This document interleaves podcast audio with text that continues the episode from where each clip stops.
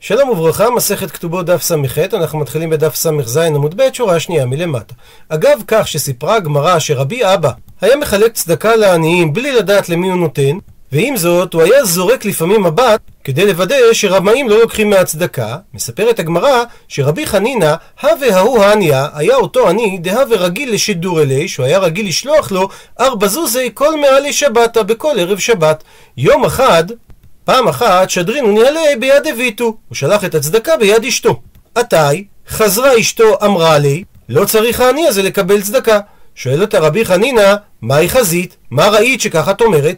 מספרת לו אשתו, שמי שמעתי דהה וכאמרי לי, שהיו אומרים לאותו עני, במה אתה סועד היום? הפכנו דף, בתלי כסף או בתלי זהב? האם במפות של פשתן לבנות שצבען כצבע הכסף, או במפות של משי צבועות בתולעת שני אדומה כזהב מה שאומר שהוא אדם עשיר. אמר על כך רבי חנינא, היינו דאמר רבי אלעזר, בואו ונחזיק טובה לרמאים. לאותם אנשים שמרמים ועושים עצמם כעניים, שאלמלא הן, היינו חוטאים בכל יום, בזה שאנו מעלימים עין מן העניים, אבל עכשיו שיש רמאים בתחום הזה, אז יש לנו תירוץ שהם גורמים לנו לא לתת. והמקור לכך שהמעלים עין ולא נותן צדקה נחשב חוטא, שנאמר, פסוק בדברים נקרא בפנים, הישמר לך פן יהיה דבר עם לבבך וליה לאמור, קרבה שנת השבע שנת השמיטה, וראה עיניך ואחיך אביון ולא תיתן לו, וקרא עליך אל אדוני והיה בך חטא. ותני, ושנה על כך בתוספתא, רב חייא ברב מדיפתי, שרבי יהושע בן כורחה אומר, כל המעלים אליו מן הצדקה כאילו עובד עבודת כוכבים. והמקור לכך כתיב האחה, כאן בפסוק, הישמר לך פן יהיה דבר עם לבבך וליעל, וגומר, וכתיב האטם לגבי עבודת כוכבים, נקרא בפנים, יצאו אנשים בני וליעל מקרבך וידיחו את יושבי עירם לאמור, נלכה ונעבדה אלוהים אחרים אשר לא ידעתם. מה להלן נקטה התורה לשון של וליעל ומדובר על עבודת כוכבים? אף כאן לגבי אדם המעלים עיניו מן הצדקה נקטה התורה לשון של וליעל כדי לומר שכל המעלים עיניו מן הצדקה כאילו עובד עבודת כוכבים. ועוד בעניין רמאים, תנו רבנן, שנו רבותינו בתוספתא. המסמא את עינו והמצווה את בטנו והמקפח את שוקו, הוא מסביר רש"י, אדם שמסמא את עינו מראה את עצמו כאילו אינו סמויה, כאילו הוא עיוור למרות שהוא לא, והמקפח שוקו כאילו שוקו נחבצת, דהיינו שהוא נכה, אז הוא אינו נפטר מן העולם עד שיבוא לידי כך. וכן אדם המקבל צדקה ואין צריך לכך, סופו אינו נפטר מן העולם עד שיבוא לידי כך. ומביאה הגמרא, תנן התם, שנינו שם במשנה במסכת פאה. ורש"י מביא את תחילת המשנה. מי שיש לו 200 זוז לא ייטול לקט שכחה ופאה, מפני שהוא לא נחשב עני. ואם אין לו 200 זוז במזומן, אז אין מחייבים אותו למכור את ביתו ואת כלי תשמישו כדי להשלים 200 זוז, אלא הוא נחשב עני, ומותר לו לקחת לקט שכחה ופאה ומעשר עני. עד לכאן לשון המשנה, ושואלת הגמרא, ולא מכריחים אותו למכור? והתניא והרי שנינו בברייתא. אם העני הזה היה משתמש בכלי זהב, השתמש בכלי כסף. אם היה משתמש בכלי כסף, השתמש בכלי נחושת. זאת אומרת שכן מחייבים אותו למכור. עונה על כך, אמר רב זביד, לא קשיא, אין סתירה בין הברייתא למשנה, ה במיטה ושולחן, ה בכוסות וקערות. הברייתא שחייבה למכור דיברה על ריהוט, והמשנה שאמרה שאין מחייבים אותו למכור, דיברה על כלי אוכל. מקשה הגמרא, מה ישנה? במה שונה דין כוסות וקערות דלא מחייבים אותו למכור? דאמר מאיסי לי, בכלי אכילה זולים מאוסים עליו? אז על אותו עיקרון, מיטה ושולחן, נמי אמר, גם הוא יכול לטעון, לא מקבל לי לוואי. אני לא יכול להסתדר עם ריהוט זול. ואם כך חוזרת השאלה, כיצד נתרט את הסתירה בין המשנה לברייתא? מביאה על כך הגמרא שתי תשובות. תשובה ראשונה אמר רבא ברי דרבא, שהמשנה שאמרה אין מחייבים אותו למכור, דיברה על כלי תשמישו של האדם, והברייתא שאמרה שמחייבים אותו למכור, דיברה במחרשה דקספא. ויש על כך שני פירושים, או שמדובר במחרשה של השדה, שאין סיבה שהוא לא ימכור את המחרשה היקרה ויקנה מחרשה זולה יותר, או שמדובר על מוט שמגרדים איתו את הגב, שהוא יכול להסתפק במוט פשוט. תשובה שנייה, רב פאפא אמר לא קשיא, כאן קודם שיבוא לידי גיבוי, כאן לאחר שיבוא לידי גיבוי. הוא מסביר רש"י. המשנה במסכת פאה שאמרה אין מחייבים אותו למכור את כלי תשמישו. מדובר כשהוא בא ליטול לקט שכחה ופאה, ובאותו שלב לא היה לו 200 זוז במזומן. אבל אם הוא היה מוכר את כלי תשמישו, הוא היה משיג 200 זוז במזומן. ובמצב כזה, לא מחייבים אותו למכור. הברייתא לעומת זאת שאמרה שמחייבים אותו למכור, היא דיברה לאחר שהוא בא לידי גיבוי, כלומר, לאחר שהוא הביא עצמו לידי כך שבית דין גובים ממנו את מה שהוא לקח כעני, למרות שהוא לא היה עני, כגון שהיה לו 200 זוז במזומן, ובכל זאת הוא לקח לקט שכחה ופאה, ואז נודע לבית הדין שבאותו שלב הוא היה עשיר, אז בית דין באים וגובים ממנו מה שנטל. ואם באותו פרק זמן אין לו כדי לשלם, אז הוא מוכר כלי תשמישו היקרים, כדי לשלם את חובו לבית הדין, ומשתמש בכלים פחותים. ואומרת המשנה, יתומה שהסיעתה אמה או אחיה מדעתה, וכתבו לה בנדוניה סכום במאה או בחמישים זוז. אז אפילו שזה היה מדעתה והיא התרצתה לדבר, אין מחילתה מחילה, ויכולה היא משתגדיל להוציא מידן מה שראוי היה להינתן לה. דהיינו, עשירית מהנכסים. רבי יהודה אומר, אם השיא האב בחייו את הבת הראשונה, אז יש לנו אינדיקציה כמה יינתן לשנייה אחרי שהוא נפטר, כדרך שנתן לראשונה. בין אם הוא נתן לה איסור נכסים, בין אם פחות, בין אם יותר. וחכמים לעומת זאת אומרים, פעמים שאדם היה עני והעשיר, או היה עשיר והעני, ולכן מה שהוא נתן לראשונה, זה לא בהכרח מה שהוא היה נותן עכשיו לשנייה. אלא אומרים חכמים, שמין את הנכסים ונותנים לה. והגמרא תסביר במה נחלקו רבי יהודה וחכמים. ואומרת הגמרא אמר שמואל, לפרנסה שמין באב. מסביר רש"י, בת יתומה שבת להינשא, נותנים לה נדוניה כפי העומד שאנו בקיאים באביה. האם הוא היה ותרן או קמצן?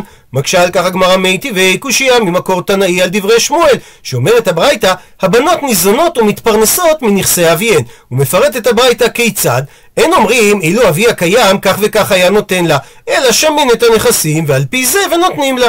עד לכאן לשון הברייתא, מקשה הגמרא, מה אליו, האם הברייתא לא התכוונה במילה ומתפרנסות לפרנסת הבעל? דהיינו שנותנים ליתומות נדוניה כאשר הן מתחתנות, לא לפי איך האבא היה נותן, אלא לפי מה ששמין את הנכסים, וקשה על שמואל. עונה על כך אמר רב נחמן בר יצחק, לא זו כוונת הברייתא, אלא כאשר הברייתא אמרה ומתפרנסות, היא התכוונה בפרנסת עצמה.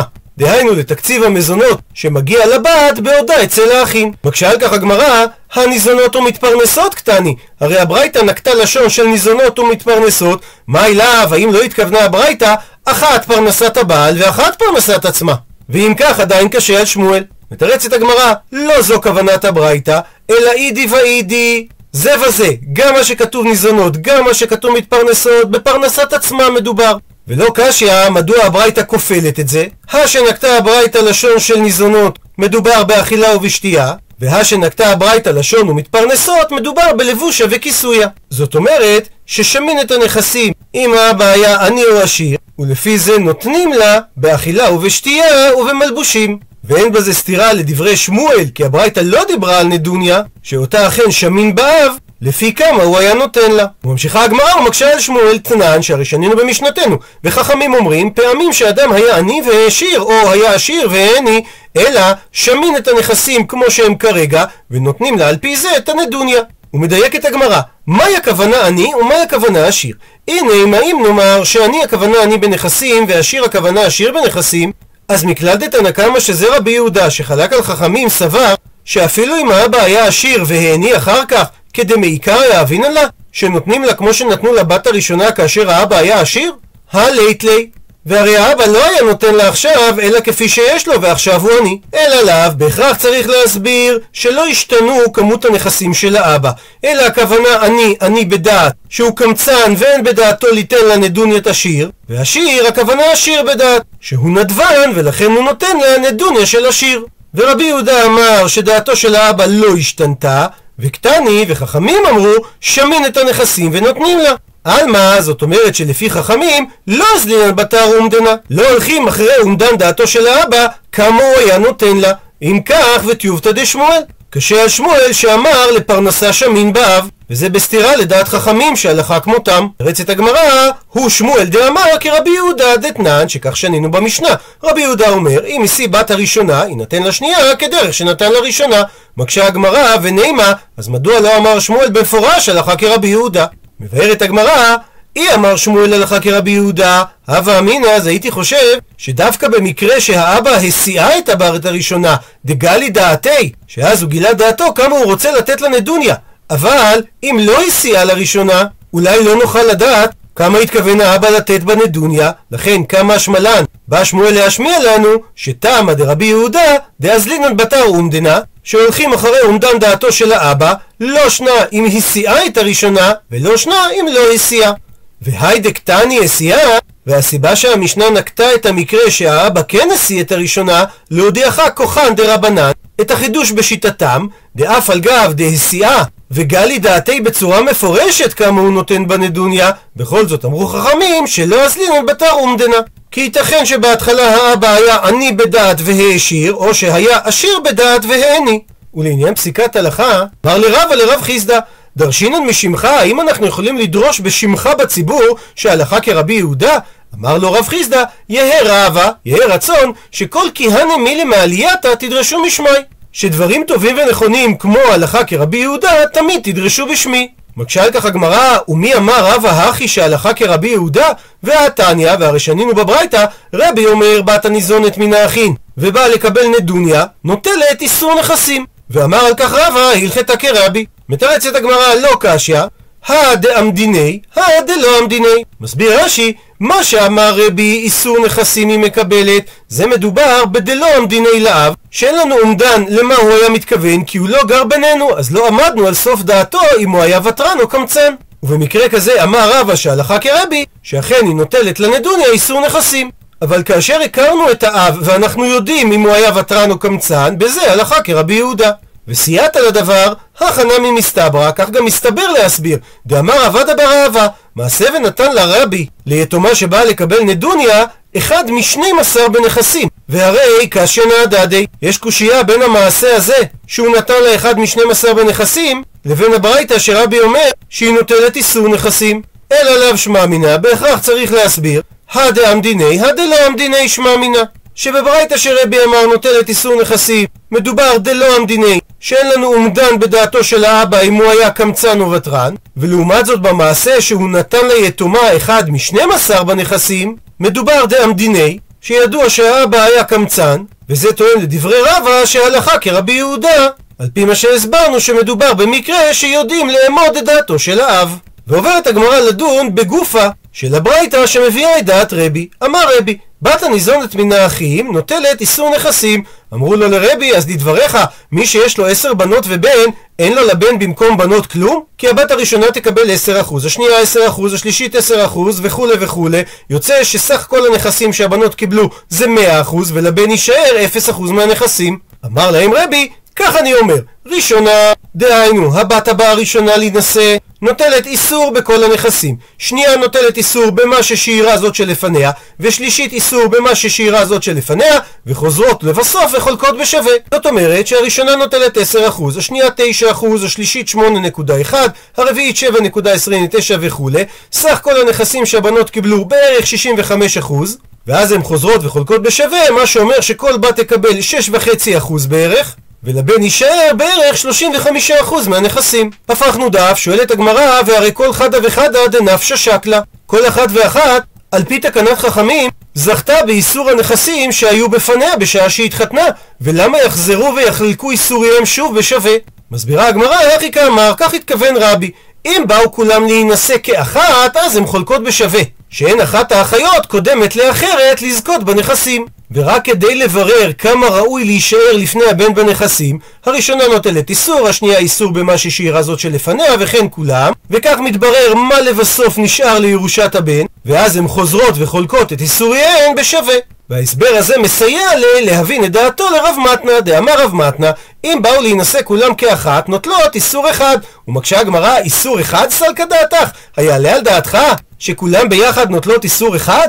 והרי חכמים תיקנו לכל אחת מהבנות איסור נכסים. אלא צריך לומר שרב מתנה התכוון שהן נוטלות איסור כאחד. דהיינו שהן חוזרות וחולקות את איסוריהם בשווה. ומקשה תוספות, מדוע שיהיה הבדל כאשר באו כולם להינשא כאחת שהן חולקות בשווה, לבין מקרה שכל אחת באה בפני עצמה להתחתן. האם משום דנישאת קודם אחת אחרת, אז היא צריכה לקבל יותר? למה לא נחשוב על פי הבנות הנותרות כאילו היו כולם נישאות בבת אחת, וכל אחת כאשר היא מתחתנת תקבל בערך 6.5% מהנכסים. עונה על כך תוספות יש לומר, דאיסור נכסים אנחנו נותנים משום שסתם בני אדם כך נותנים לבנותיהם כנדוניה. ואילו היה האב קיים, הרי הוא היה נותן איסור נכסים לראשונה מכל הנכסים העומדים בפניו, ולא היה פוחת לה מהנדוניה בשביל האחיות הנשארות להתחתן בהמשך. וממשיכה הגמרא תנו רבנן, שנו רבותינו בברייתא. הבנות בין בגרו עד שלא נישאו, ובין נישאו עד שלא בגרו, כך או כך איבדו מזונותיהם ולא איבדו פרנסתן. זה דברי רבי, שכך כתב האבא בכתובה, או עד דתיבגרן, או עד דתילקחון לגוברין. או עד שיתבגרו, או עד שיינשאו. רבי שמעון בן אלעזר חולק ואומר, אף איבדו פרנסתן. מסביר רש"י, שסובר רבי שמעון בן אלעזר שחכמים תקנו נדוניה בשווי איסור נכסים רק במקרה שהיא התחתנה בקטנות או בנערות. אבל במקרה שהיא התחתנה כאשר היא בוגרת, הרי היא הסתלקה לחלוטין מבית אביה ולא מגיעה לנדוניה של איסור נכסים, וכן יהיה הדין כאשר היא נישאה בנערות והתרצתה לקבל נדוניה שהיא פחות מאיסור נכסים, שהואיל ויש בה דעת, הרי היא איבדה את פרנסתה בשווי איסור נכסים, והיא לא יכולה לתבוע מבני ביתה אלא מה שפסקו לה. ולפי הדעה הזאת, אם הבנות רואות שהן מגיעות לגיל בגרות והן לא רוצות להפסיד את הנדוניה, אז כיצד הן עושות כדי לא להפסיד את איסור הנכסים? שוכרות להן בעלים ומוציאים להן פרנסתם. וכנראה הכוונה שהן מציעות יותר כסף לבעלים כדי שיישאו אותם עד שלא יבגרו, ועל ידי כך מוציאים להם פרנסתם. דהיינו לא מפסידים את איסור הנכסים כנדוניה. ולעניין פסיקת הלכה אמר רב נחמן אמר לי הונא הלכתה כרבי. הייתי ואם מקשה על כך רבה לרב נחמן שהרי כתוב במשנה שלנו יתומה שהסיעתה אמה או אחיה מדעתה וכתבו לה במאה או בחמישים זוז יכולה היא משתגדיל להוציא מידם מה שראוי היה להינתן לה. ומדייק רבה טעמה שהיא יכולה להוציא מידם בגלל דקטנה הייתה אה, אם היא הייתה גדולה, משמע שהיא ויתרה והיא לא תוכל להוציא מידם. כי היא מחלה על השאר ואיבדתו. זאת אומרת שהתנא של המשנה סתם כרבי שמעון בן אלעזר ולא כרבי. מתרץ רב נחמן לא קשיא, הא דמחי, הא דלא מחי. מסביר רש"י, המקרה שבו אמר רבי שהם לא איבדו את הנדוניה ועל כך אמר אבונה שהלכה כרבי מדובר שהבת מחתה על מותר איסור נכסיה שמגיע לה כשהיא מתחתנת ולכן היא לא איבדה את היתרה. לעומת זאת, ועד אקטני מתניתין, מה שכתוב במשנה שלנו שממנו דייקנו שאם היא הייתה גדולה היא ויתרה והיא לא תוכל לתבוע את איסור הנכסים, מדובר כגון בנערה שלא מחתה. והשתיקה שלה נחשבת כמחילה על הנדוניה, מה שאין כן שתיקה של קטנה, שמחילתה אינה מחילה. מביאה הגמרא סייעת על התירוץ הזה, הכנה ממסתברא. כך גם מסתבר לתרץ, דאם כן, כאשר דרבי הדרבי. כי אם לא נתרץ כך, יהיה לנו קושייה מדברי רבי דתניא, שכך כתוב בברייתא. רבי אומר, בת הניזונת מן האחים נוטלת איסור נכסים. הוא מדייק את הגמרא, ניזונת אין שאינה ניזונת לא. מסביר רש"י, אם היא באה להינשא בעודה ניזונת, זה אומר שהיא עדיין קטנה או נערה. היא אכן מקבלת איסור נכסים, אבל אם היא אינה ניזונת, דהיינו היא כבר בוגרת, היא לא תקבל איסור נכסים. וזה סותר את מה שאמר רבי בברייתא הקודמת, שגם בוגרת זכאית לנדוניה. אלא לאו שמע מינה, בהכרח צריך לומר הא דמחי, הא דלא מחי שמע מינה. שהברייתא הראשונה בה רבי אמר שהם לא איבדו את הזכות לאיסור נכסים. מדובר שכאשר היא הייתה נערה היא מחתה על מותר איסור נכסיה. והברייתא השנייה, שאמרנו בשם רבי שגדולה ויתרה על מותר נכסיה, מדובר שהיא לא מחתה כאשר היא הייתה נערה, וממילא היא מחלה על איסור הנכסים. ממשיכה הגמרא, אמר לרבינה לרבה, שאמר לן רבא דבר רבה משמך, יתומה שבגרה אינה צריכה למחות. שאפילו אם היא לא מחתה, היא לא איבדה בזה את הזכות לקבל את איסור נכסיה.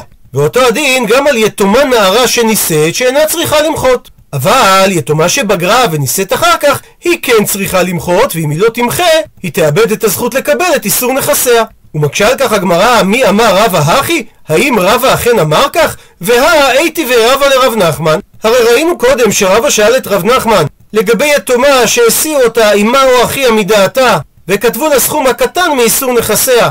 ודייק רבא, שרק קטנה לא מאבדת את הנדוניה, אבל גדולה כן מאבדת, ושני לי, ותירץ לו רב נחמן, הדמחי הדלא מחי, שהמשנה שלנו דיברה על גדולה שוויתרה, כי היא לא מחתה כשהיא הייתה נערה. זאת אומרת, שמי שנישאת בנערות ולא מחתה, אף על פי שאינה בוגרת, היא כן ויתרה על איסור נכסיה. ואיך עכשיו אמרנו בשם רבא, שיתומה שנישאת כשהיא נערה, אינה צריכה למחות. כי היא לא מאבדת את הזכות לתבוע את איסור נכסיה. מתרצת הגמרא, לא קשיא, הא דקמית זנה מניו, הא דלא קמית זנה מניו. זאת אומרת, מה שאמר רבא שכאשר היא נישאת בנערות היא לא צריכה למחות והיא לא מאבדת את הנדוניה שלה זה מתובר כגון שהיא ממשיכה להיות ניזונת מנכסי האחים לאחר שהיא נישאת ודווקא משום שהיא ניזונת מהם והם לא חייבים ליזון אותה, היא שותקת ולא תובעת את כתובתה כי היא מתביישת מהם, אבל לא בגלל שהיא מחלה על פרנסתה.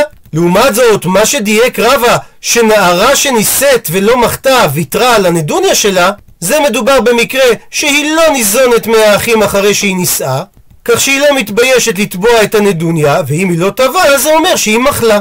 וממשיכה הגמרא, אמר אבונה אמר רבי, פרנסה אינה כתנאי כתובה. דהיינו, זכות היתומה לתבוע את הנדוניה היא לא כמו הזכות שלה בתנאי כתובה לתבוע מזונות. ומבררת הגמרא, מה התכוון רבי כשהוא אמר אינה כתנאי כתובה? הנה, מה אם נאמר שהוא התכוון דאילו פרנסה טרפה ממשעבדי ותנאי כתובה לא טרפה ממשעבדי שיתומה יכולה לגבות את הנדוניה שלה מנכסים שהאחים ירשו ומכרו אבל היא לא יכולה לתבוע מזונות מנכסים כאלה, כי לעניין נדוניה, חכמים הגדירו אותה כבעל חוב, שהרי הנדוניה זה איסור נכסים, זה דבר קצוב. מה שאין כן מזונות, אין להם קצבה, ובנוסף לכך, יש בהם מפני תיקון העולם. דהיינו שאם נתיר לאישה לגבות מנכסים משועבדים עבור תביעת מזונות, זה יגרום לכך שאנשים יפחדו לקנות נכסים. אבל אם אכן זה החידוש של רבי, אז מהי כמשמלן? מה הוא בא להשמיע לנו? שהרי המעשים בכל יום שבית דין מוציאים לפרנסה מנכסים משועבדים, ואין מוציאים מנכסים משועבדים למזונות. ואם כך, זו הלכה ידועה, ורבי לא היה צריך לחדש אותה. ואלא, אולי נאמר, שרבי בא לחדש, דאילו פרנסה גביה נמי ממטלטלי, שהנדוניה נחשבת כחוב רגיל לכל דבר, ולכן ניתן לגבות אותה גם מהמטלטלים. לעומת זאת, ותנאי כתובה, דהיינו תביעת המזונות, רק ממקרקעי גביה, אבל ממטלטלי לא גביה. שהרי גם את עיקר הכתובה ניתן לגבות רק ממקרקעי ולא ממטלטלי. אבל הרי לא ניתן להסביר כך בדעת רבי, שהרי לרבי אידי ואידי מגבה גביה. זה וזה, גם תביעת פרנסה וגם תביעת מזונות לפי רבי גובים ממטלטלים. והמקור לכך דתניא, ששנינו בברייתא, אחד נכסים שיש להם אחריות שזה קרקעות, ואחד נכסים שאין להם אחריות שזה מטלטלים, מוציאים מהם למזון האישה ולבנות, זה דברי רבי. אז חוזרת השאלה, למה התכוון רבי כשהוא אמר פרנסה אינה כתנאי כתובה? אלא אומרת הגמרא, מהי הכוונה שפרנסה אינה כתנאי כתובה? לכדתניא. כמו ששנינו בברייתא הבאה, אדם האומר בשעת מיתתו אל יזונו בנותיו מנכסיו, הדין שאין שומעים לו, שהרי הוא כבר השתעבד לתת להם מזונות בתנאי הכתובה. אבל אם הוא אמר אל יתפרנסו בנותיו מנכסיו, דהיינו לא לתת להם נדוניה, במקרה כזה כן שומעים לו שהפרנסה אינה כתנאי כתובה. שהרי היא אינה חוב עליו כתנאי כתובה, אלא היא חוב על היתומים. אבל זה רק במקרה שהאבא לא ציווה במפורש שלא לפרנסם. ולזה התכוון רבי כשהוא אמר פרנסה, דהיינו נדוניה, אינה כתנאי כתובה. עד לכאן דף ס"ח. למעוניינים בהרחבה, הזכרנו את שיטת רבי שבת הניזונת מן האחים נוטלת איסור נכסים. על כך ההרחבה הבאה. המספר הטבעי הוא מספר ממשי רציונלי שיש לו משמעות מיוחדת בעולם המתמטיקה, הכלכלה, הטבע ועוד. המספר נקרא מספר אי-רציונלי מכיוון שלא ניתן לייצג אותו כיחס של שני מספרים שלמים בגלל שהמספר העשרוני שלו הוא אינסופי. הוא גם מספר טרנסצנדנטלי כי לא ניתן לייצג אותו כשורש משוואה אלגברית עם מקדמים רציונליים. להלן כמה יישומים שבהם ניתן להשתמש במספר הזה. בכלכלה זהו למעשה התחום הראשון של חישוב הריבית המורכבת. בביולוגיה זה היכולת לתאר את צמיחת התאים. כך גם פריקת קבל המתוארת באלקטרוניקה, וכן תיאור התפתחות של ריכוזים או תגובות יונים בתחום הכימיה, ניהול של מספרים מורכבים בעיקר הנוסחה של אוילר, תיארוך פחמן 14 של מאובנים בפליאונטולוגיה, מדידת אובדן חום מחפצים אינרטיים ברפואה משפטית כדי לקבוע את שעת המוות, בסטטיסטיקה, תורת ההסתברות ופונקציות אקספוננציאליות, ביחס זהב ובספירלה לוגריתמית, וכן בתהליכי צמיחה או ירידה מהירה, כגון אוכלוסיות חיידקים, התפשטות מחלות או ריקבון רדיואקטיבי. המספר E אומנם נקרא גם קבוע אוילר על שם ליאונרד אוילר שהתעסק הרבה עם המספר הזה במאה ה-18, או קבוע נפייר על שם ג'ון נפייר מהמאה ה-16, שאליו מייחסים את גילוי המספר. אך פרופסור יקותיאל גינסבורג, שהיה מתמטיקאי יהודי אמריקאי בולט, היסטוריון של המתמטיקה, וגם ראש המכון של הישיבה אוניברסיטי בניו יורק, כבר עמד על כך שבירושלמי מסכת כתובות, משנה ו' הלכה ו', מופיע איסור נכסים של רבי בנוסח הבא. אמר להן, הראשונה נוטלת איסור נכסים ויוצא, והשנייה נוטלת איסור נכסים מן המשתייר, והשלישית מן המשתייר, והרביעית מן המשתייר, עד עשירית מן המשתייר. נמצאו הבנות נוטלות טרן חולקין פרה צבחר, והבן נוטל חד חולק ועוף צבחר. דהיינו, נמצאו הבנות נוטלות שני חלקים פחות קצת, והבן נותן חלק אחד ועוד קצת. זאת אומרת שסך הנכסים שהבנות קיבלו זה שני שליש פחות קצת, והנכסים שנשארו לבן זה שליש ועוד קצת. והוכיח פרופסור גינצבורג שזו הפעם הראשונה שבה מופיע הקבוע E, שהרי שליש ועוד קצת זה בעצם 1 חלקי E. מה שאומר שאולי במקום לקרוא ל-E קבוע אוילר או קבוע נפייר, היה צריך לקרוא לו קבוע איסור נכסים של רבי.